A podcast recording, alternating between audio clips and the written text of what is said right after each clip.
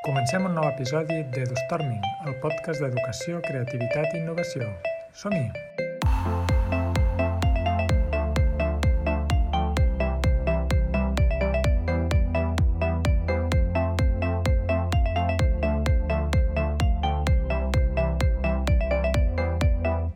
A l'episodi d'avui parlem amb Núria Burgada, filla, mare, àvia i mestra d'escola rural, però també amant de la muntanya. Des de Montellà a la Cerdanya, ha estat 30 anys a l'Escola Rural Ridolaina, al cor del Pirineu.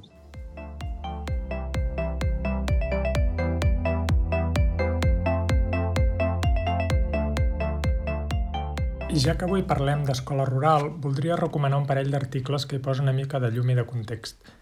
De fet, la meva escolarització va ser a l'Escola Rural Vilademàger, a la Llacuna, i per tant la meva visió i valor d'aquest tipus d'escoles està molt influenciada per la meva experiència personal. El primer article de Carme Mortoll, al Diari de l'Educació, és el valor de l'escola rural, i comença així. Escola rural és una escola que educa des de la vida i per a la vida. Oblidada en altres èpoques, actualment es considera mirall de pràctiques educatives d'èxit i d'evidències positives fonamentades que en molts casos han esdevingut exemples per centres més grans. En el segon article, de Josep Callís a Rosa Sensat, monogràfic, l'escola rural i els seus clarobscurs, analitza el context d'aquestes escoles, així com els elements que poden ser diferenciadors respecte d'altres escoles i el, les dificultats, els entrebancs o les necessitats eh, amb les que es troben aquest tipus d'escoles per la seva pròpia idiosincràsia. I ara ja passem a parlar amb la convidada d'avui, la Núria Burgada. Què és una escola rural i què fa característic una escola com Ridolaina a Montellà, a la Cerdanya? Doncs una escola rural és una escola petita, és una escola que està en un poble i és una escola que és pública. Eh? És el que se'n diu l'escola de les tres P's. No? Llavors, eh, l'escola Ridolaina és una d'aquestes escoles, està situada al poble de Montellà, aquí a sota el Cadí, i el que té de característic la nostra escola és la mirada la mirada que té no? envers els, els infants a través de l'educació viva i activa, amb, una, eh, amb un enfocament de les intel·ligències múltiples i també de la neuroplasticitat, no? creant uns entorns d'aprenentatge a l'escola que, que siguin ressonants pels alumnes perquè el seu aprenentatge sigui més significatiu i viu. No? Això seria una mica la definició. En quin moment es fa aquest canvi o es fa aquesta, aquesta mirada, no? Es posa en marxa aquest... Val. Uh, jo vaig arribar aquí a l'escola Redolaina ja fa 30 anys eh? i ja vaig arribar-hi per un motiu, no? Doncs perquè era una escola que feia les coses diferents. Llavors, en aquella època va ser quan vam crear al cap de dos anys d'entrar jo, vam crear les primeres zones escolars rurals, que no existien, no? que llavors sí que era una escola, les escoles rurals eren, estaven molt deixades de la mà de tothom. I, i en concret l'escola Ridolaina tenia una mestra, que era la Rosa Campà, que ja tenia una mirada eh, sobretot per, de, de l'entorn, no? de que de que els, els infants que vivessin allà a l'escola doncs, se sentissin bé en el lloc on vivien perquè llavors el més normal era que la gent volgués marxar d'allà, especialment els joves. No? I llavors era una miqueta fer aquesta tasca. Jo que venia quasi de ciutat, no? i que m'encantava estar a la muntanya, no en tenia perquè allà doncs, no li donaven cap valor. No? I, I una miqueta, bueno, ha sigut un procés molt llarg, ja ho veus, quasi, quasi 30 anys, no? en el qual doncs, un va aprenent, es va formant, passen diferents persones fins que arriba fa uns 5 anys que concretem un equip. I quan hi ha un equip cohesionat, amb la mateixa mirada, doncs llavors és com un bluf, oh, tot funciona, és meravellós, no? I a partir de llavors ja tot es crea la comunitat, ja els infants, ja tot, les dificultats ja, ja van, ja van sobreposant-se no? de manera més fluida. Però és un camí complex. A la meva visita, una de les coses que cridava l'atenció de seguida era el disseny dels espais, no? i com cada espai tenia el seu sentit, el seu, la seu, el seu propi disseny. No? Mm -hmm. Quin, com us organitzeu? Quin valor li doneu als espais? Doncs té molta importància. Els espais de, de treball, els espais, els ambients lliures que en diem, doncs estan pensats eh, amb molt d'amor, amb molta ètica i amb molta estètica, no? perquè siguin espais en els quals s'encengui aquella llumeta, no? que tothom pugui trobar, qualsevol infant pugui trobar allò que, que, que li encengui la curiositat per voler saber, per voler aprendre o per avançar més enllà o per investigar, no? Llavors, hi ha tota una feina darrere, o sigui, la feina de les mestres és, és, és gran, no? Vull dir, primer hi ha una formació que és constant, eh? és constant. I llavors hi ha com això ho plasmes amb els teus recursos, en el teu espai, en el teu lloc on, te, on estaràs amb els infants, no? Però si realment hi ha un bon equip, eh, les coses eh, flueixen de per si, no? I llavors, eh, a nivell organitzatiu, doncs, val a dir que, que, el, que el que fem és eh, trobar-nos abans de que els nens arribin per poder, quan arribin, tindre els espais preparats no? i aprofitar els espais en els que surten a fora o fan alguna cosa per canviar els propers, no? Vull dir que sempre estem traginant coses amunt i avall, eh? és, un no, és, un, és un no parar. Però realment els, els resultats quan els veus eh, s'omplen de goig. Sí. I diries que porta més feina de treballar d'aquesta manera?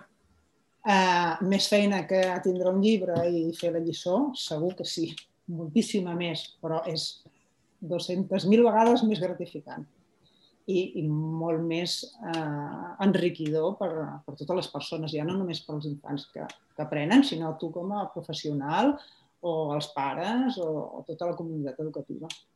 Mm. I creus que el sistema està estructurat de manera que pugui donar resposta a aquesta manera d'organitzar-se? Ai, bona pregunta.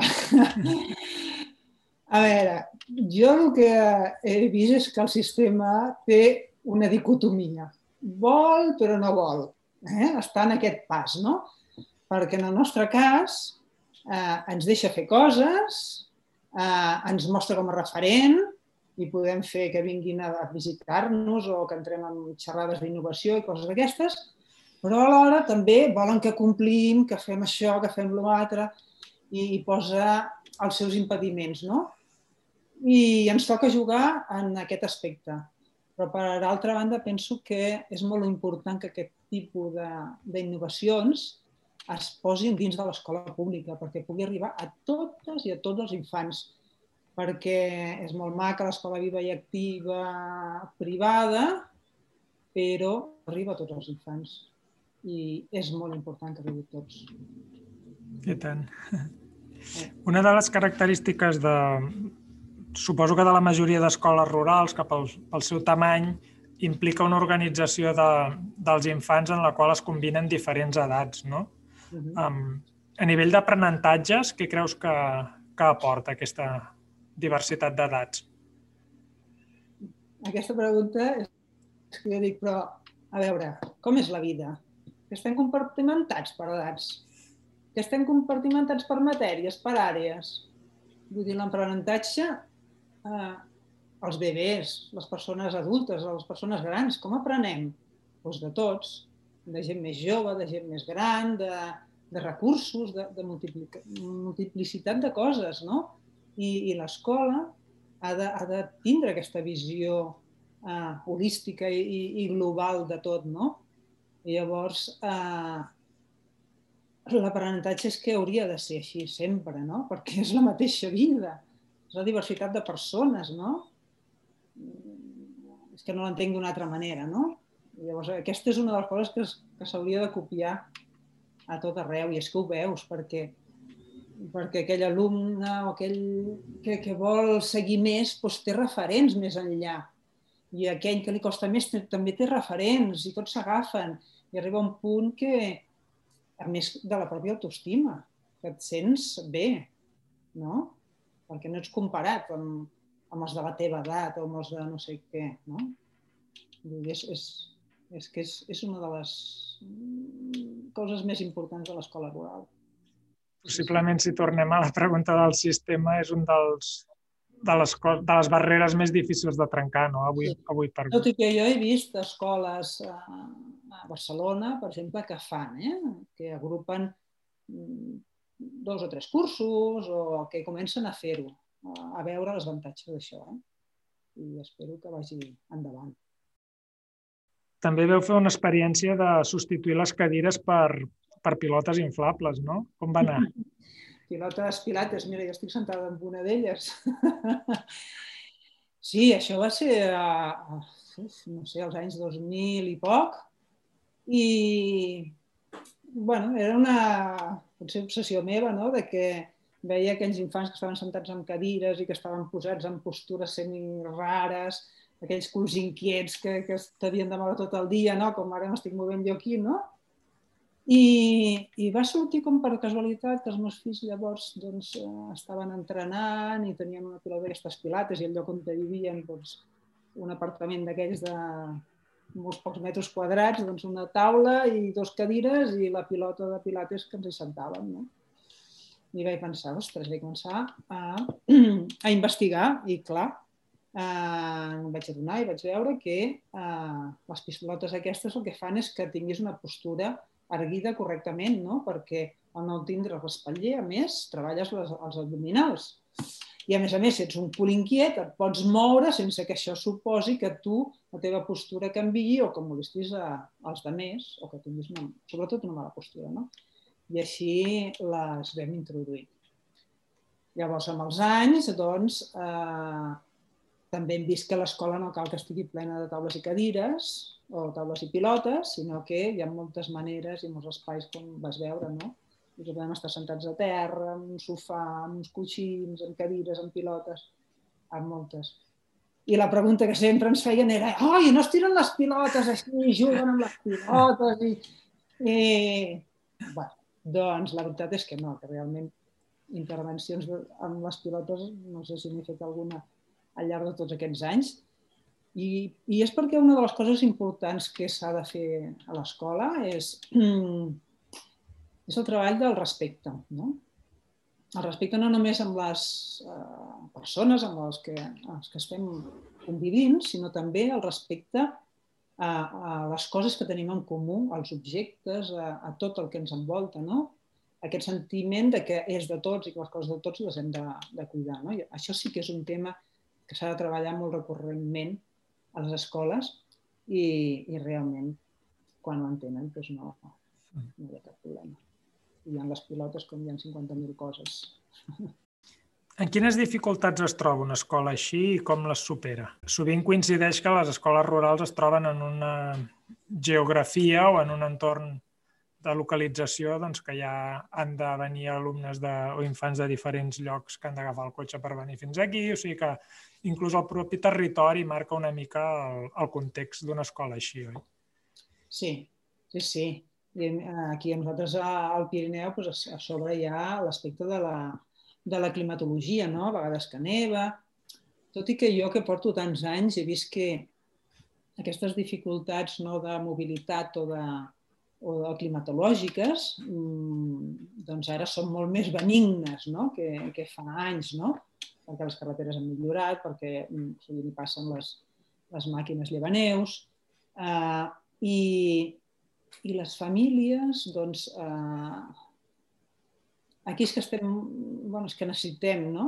Eh, els vehicles per moure'ns, no? I, i, i moltes vegades, eh, quan no hi ha transport escolar, doncs les mateixes famílies s'organitzen per, per poder portar els infants. No? Avui els vaig porto jo i tu el reculls, o, ho fas, no? perquè és que el nostre poble és petit i venen infants de diferents, de diferents llocs, com moltíssimes escoles rurals. No? Altres dificultats que hi ha, una és, la, jo crec que la principal és la burocràtica que ja hem parlat abans, no? que, que una escola rural ens fan fer eh, la mateixa paperassa que una escola gran, no? I, i que molta d'ella mm, és totalment necessària quan podríem dedicar el nostre temps a altres coses. No? I després també un altre dels problemes són els edificis. Els edificis sovint són edificis molt antics. El nostre, per exemple, és de l'època de la luminosis i fa anys vam tindre aquest problema de la luminosis, vam tindre que, que posar, posar moltes més vigues.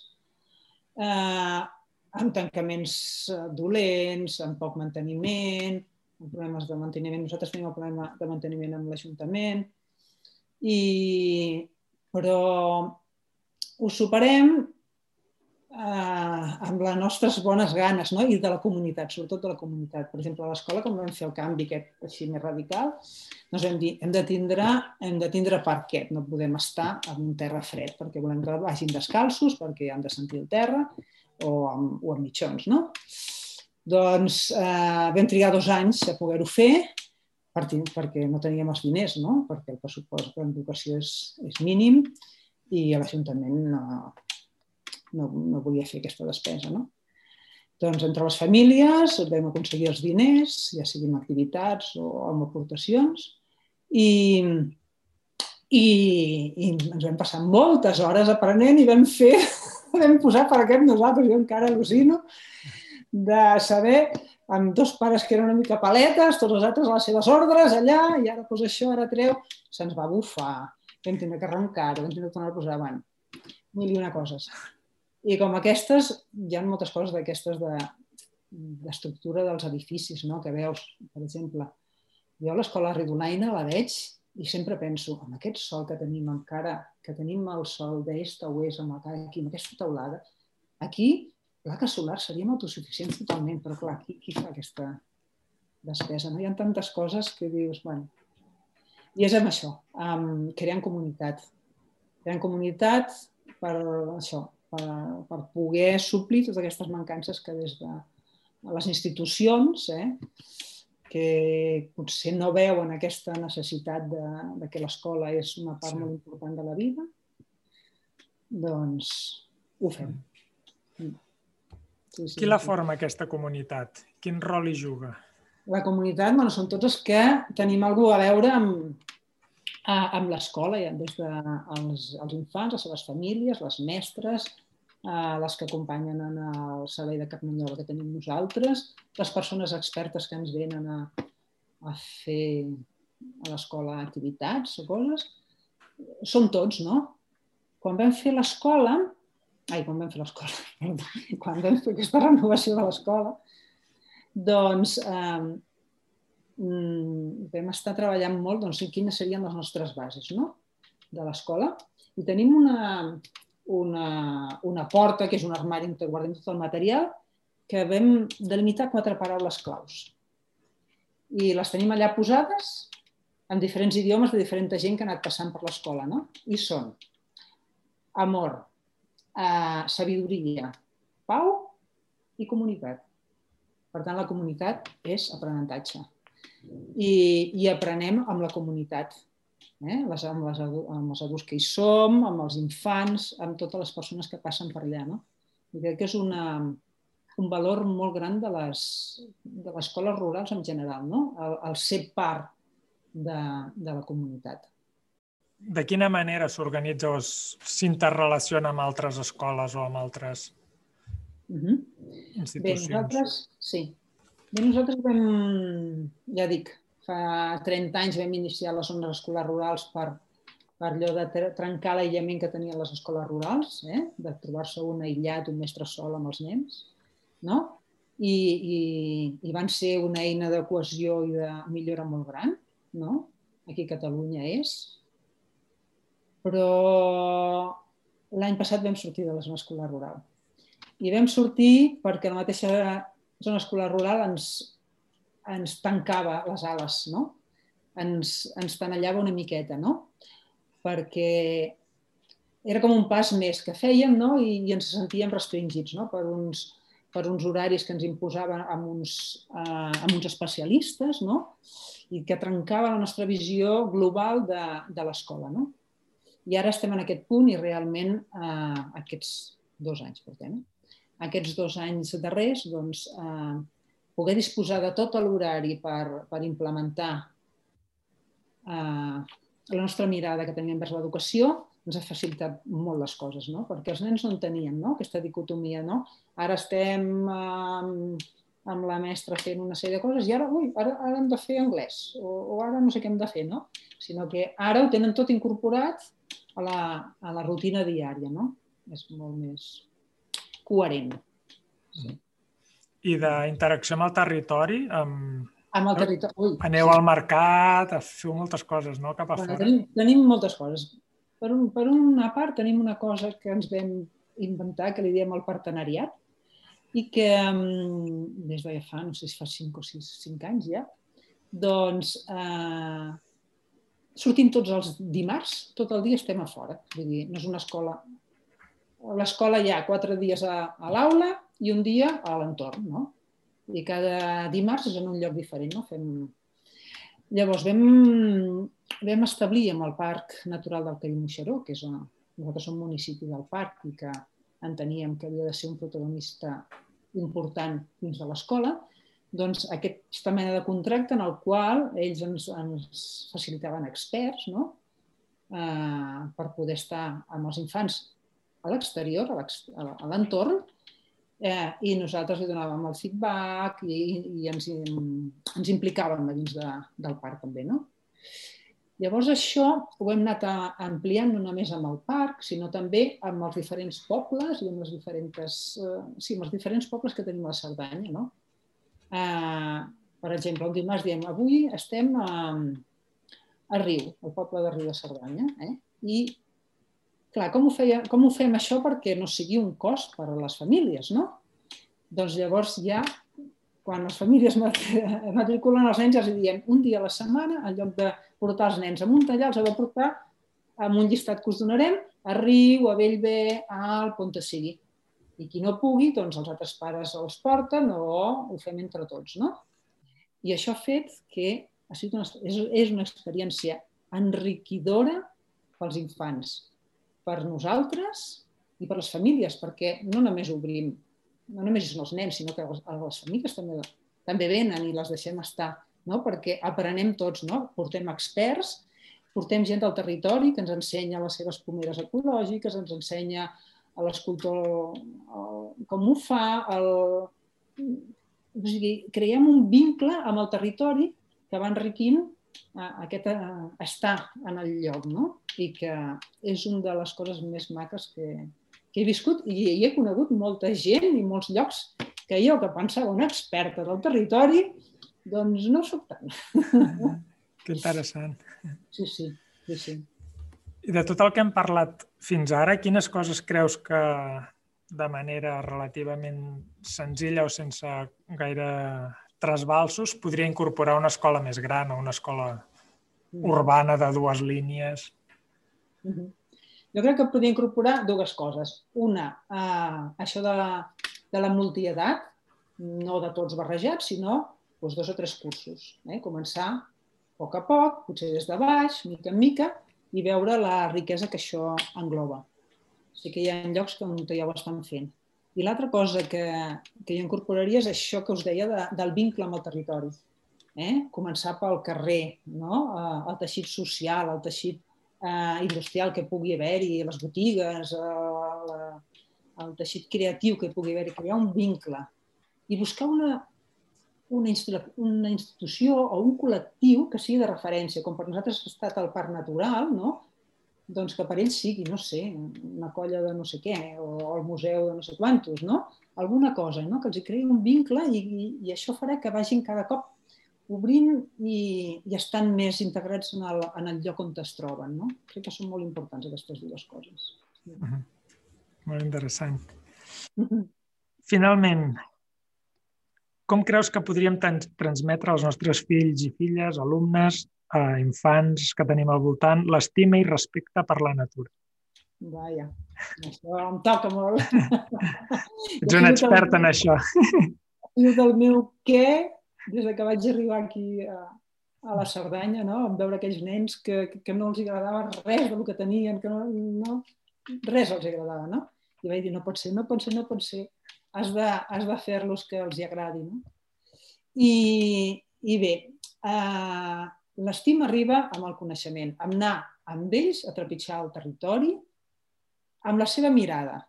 O sigui, no pots anar com a adult arrossegant un infant, eh? això no pots fer-ho, sinó que has d'anar amb ell al seu pas, observant, eh, sentint la satisfacció que senten ells. Mira, mira, mira aquell allà, mira aquell allà.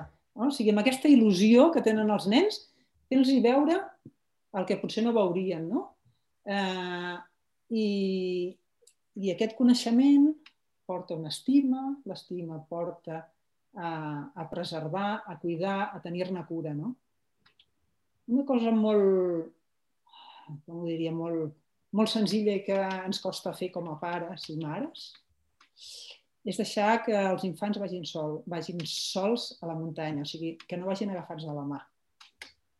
És molt important que vagin sense, sols, sense estar agafats de la mà del pare o de la mare, per la seva autoestima, perquè superen els obstacles, perquè creixen, perquè observen, perquè veuen, perquè estan a la seva alçada, no estan a l'alçada de l'adult que, la, que l'estira o que li, el tira amunt, no? Eh, és una cosa ben senzilla i que fa que ells siguin els protagonistes. I que vagin endavant, i que busquin el camí. I quan diuen que papa estic cansat... Doncs llavors busques jocs. Vinga, que passarem per aquí. A veure si trobem el tresor de no sé què i potser no cal anar tan lluny. També pots donar mitja volta i tornar i ja està, no cal estirar el que no s'ha d'estirar. I tant. sí, sí. I tant. I per acabar, un recurs educatiu o algun consell que vulguis compartir i una cita que t'agradi. A veure, com a recurs educatiu, eh, Bé, jo volia dir aquest de, del partenariat, que ja us he explicat 50.000 cops, no? però que, que crec que és molt important. I, i, i més que un recurs educatiu, jo el que, el que recomanaria a totes les mestres i mestres és, és això, és el treball en equip, el compartir, el passar hores a parlar dels nens, el, uh, perquè llavors tots els recursos surten, llavors trobes, llavors en qualsevol cosa uh, pots fer no? i pots crear. No? Però és molt important això, trobar-se, parlar i discutir sobre el que és realment important a l'educació. No? I com a cita, doncs mira, aquí la cita que, em va, que ens vam fer l'any passat, les mestres, ens vam fer una samarreta, eh? que no sé si es veu, diu, una mestra és una brúixola que activa els imants eh, els humans, crec que no ho veig, que controlen el coneixement, la creativitat de, de, i la saviesa dels alumnes. Jo crec que això és el que haurien de ser les mestres. I tant. Moltes gràcies, Núria. Un plaer compartir aquesta conversa amb tu. Igualment. Esperem doncs, que exemples es va, com aquests es vagin estenent i puguem anar incorporant doncs, noves mirades no? a, espais que a vegades ens tanquem molt a dins d'un propi edifici o... Moltes gràcies. Molt bé, a tu.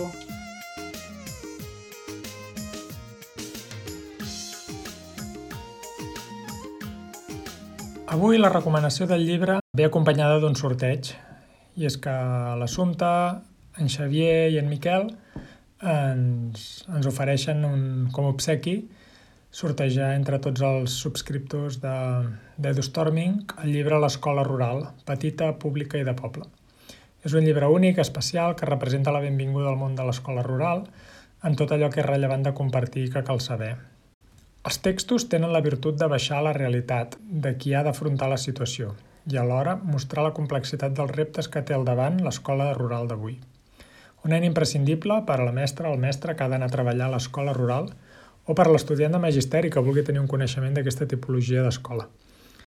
Tots els que hem viscut aquesta experiència de, de treballar o d'aprendre com a alumne en una escola rural, doncs sabem tot el, tot el que s'hi viu i que hi hagi un llibre que ho pugui explicar amb tant detall i que es pugui compartir les vivències i el que significa una escola rural i sobretot analitzar i posar en comú les problemàtiques o les línies de futur per mantenir-les vives doncs crec que és molt, molt i molt interessant.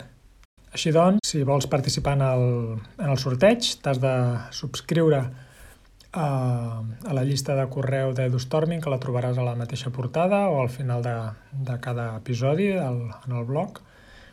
I entre tots els subscriptors, el dia abans de la publicació del següent episodi, farem un sorteig aleatori de, de qui és el guanyador o guanyadora d'aquest llibre.